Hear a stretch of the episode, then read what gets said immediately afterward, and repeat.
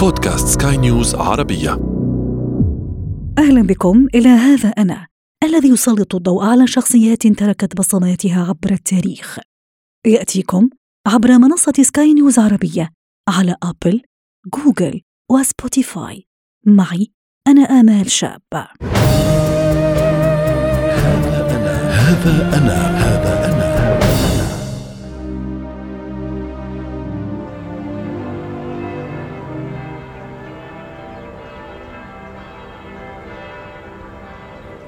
مدينة بيزا فلورنسا وسط إيطاليا. إننا في عام 1564 الشهر الثاني بلغ منتصفه. فينزينسو جاليلي وجوليا دي كوزيمو يرزقان بجاليليو إنه أول أبنائهما الستة.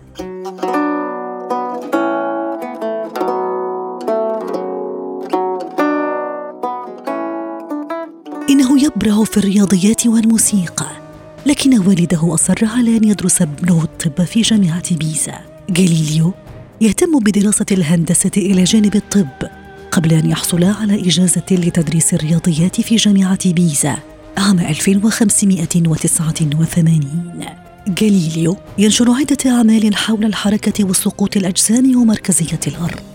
لقد جاءت أعماله موافقة لرؤية العالم نيكولاس كوبرنيكاس عالم الفلك البولندي الذي يعتبر أول من صاغ نظرية مركزية الشمس. كذلك خالفت أعمال جاليليو في مجملها فرضيات أرسطو التي تدرس في الجامعات في هذه الفترة وتدعمها الكنيسة الكاثوليكية. عام 1604 جاليليو يطور قانون التسارع أحد المبادئ الفيزيائية الشهيرة. كذلك يضع قانونا لقياس الأجسام الصغيرة وهو ما زاد من شهرته. جاليليو يصدر كتابه عمليات البوصلة الهندسية والعسكرية الذي أظهر خلاله مهاراته في إجراء التجارب والتطبيقات العملية الحديثة. إننا في عام 1609 لقد تناهى إلى مسمع جاليليو خبر تلسكوب قام بصناعته صانع عدسات هولندي خلال وقت قصير طور جاليليو نسخة منه قدمها إلى تجار البندقية الذين أبدوا اهتماما به لكونه يساعدهم على رؤية السفن الأخرى القادمة إلى مدينتهم. لقد طلبوا منه صنع المزيد من التلسكوبات. ولأن طموح الرجل بلغ عنان السماء فقد قرر أن يوجه أبحاثه وتلسكوبه إلى الفضاء الخارجي. لقد أصدر كتابه رسول النجوم. أوضح فيه أن القمر ليس مسطحا ولا أملس وإنما هو كروي الشكل يحوي تضاريس وجبالا وحفرا وأن كوكب الزهرة يدور حول الشمس. كذلك تقوده أبحاثه إلى أن المشتري لديه أقمار تدور حوله وليس حول الأرض. لقد أصدر كتابه الحديث عن الأجسام في الماء الذي دحض فيه فرضية أرسطو التي ذهبت إلى أن طفو الأجسام على سطح الماء هو بسبب شكلها المسطح. قبل أن يدحض نظرية أخرى لأرسطو حول الشكل المثالي للشمس.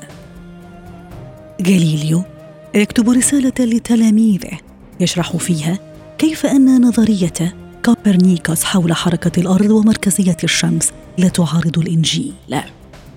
ما إن تناهى إلى الكنيسة فحوى الرسالة. حتى أشارت بأصابع الاتهام لجاليليو بالإلحاد والهرطقة ووضعته تحت الإقامة الجبرية.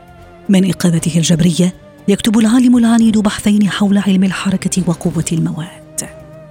الثامن من ديسمبر عام 1642 جاليليو في السابعة والسبعين من عمره. لقد غادر هذه الحياة تاركا وراءه. جدلا واسعا وغضبا عارما من لدن الكنيسة التي أنصفته بعد ثلاثة قرون ونيف من وفاته. هذا أنا هذا أنا نهاية هذه الحلقة من هذا أنا. استمعتم إليها عبر منصة سكاي نيوز عربية على أبل، جوجل وسبوتيفاي. ولنا لقاء.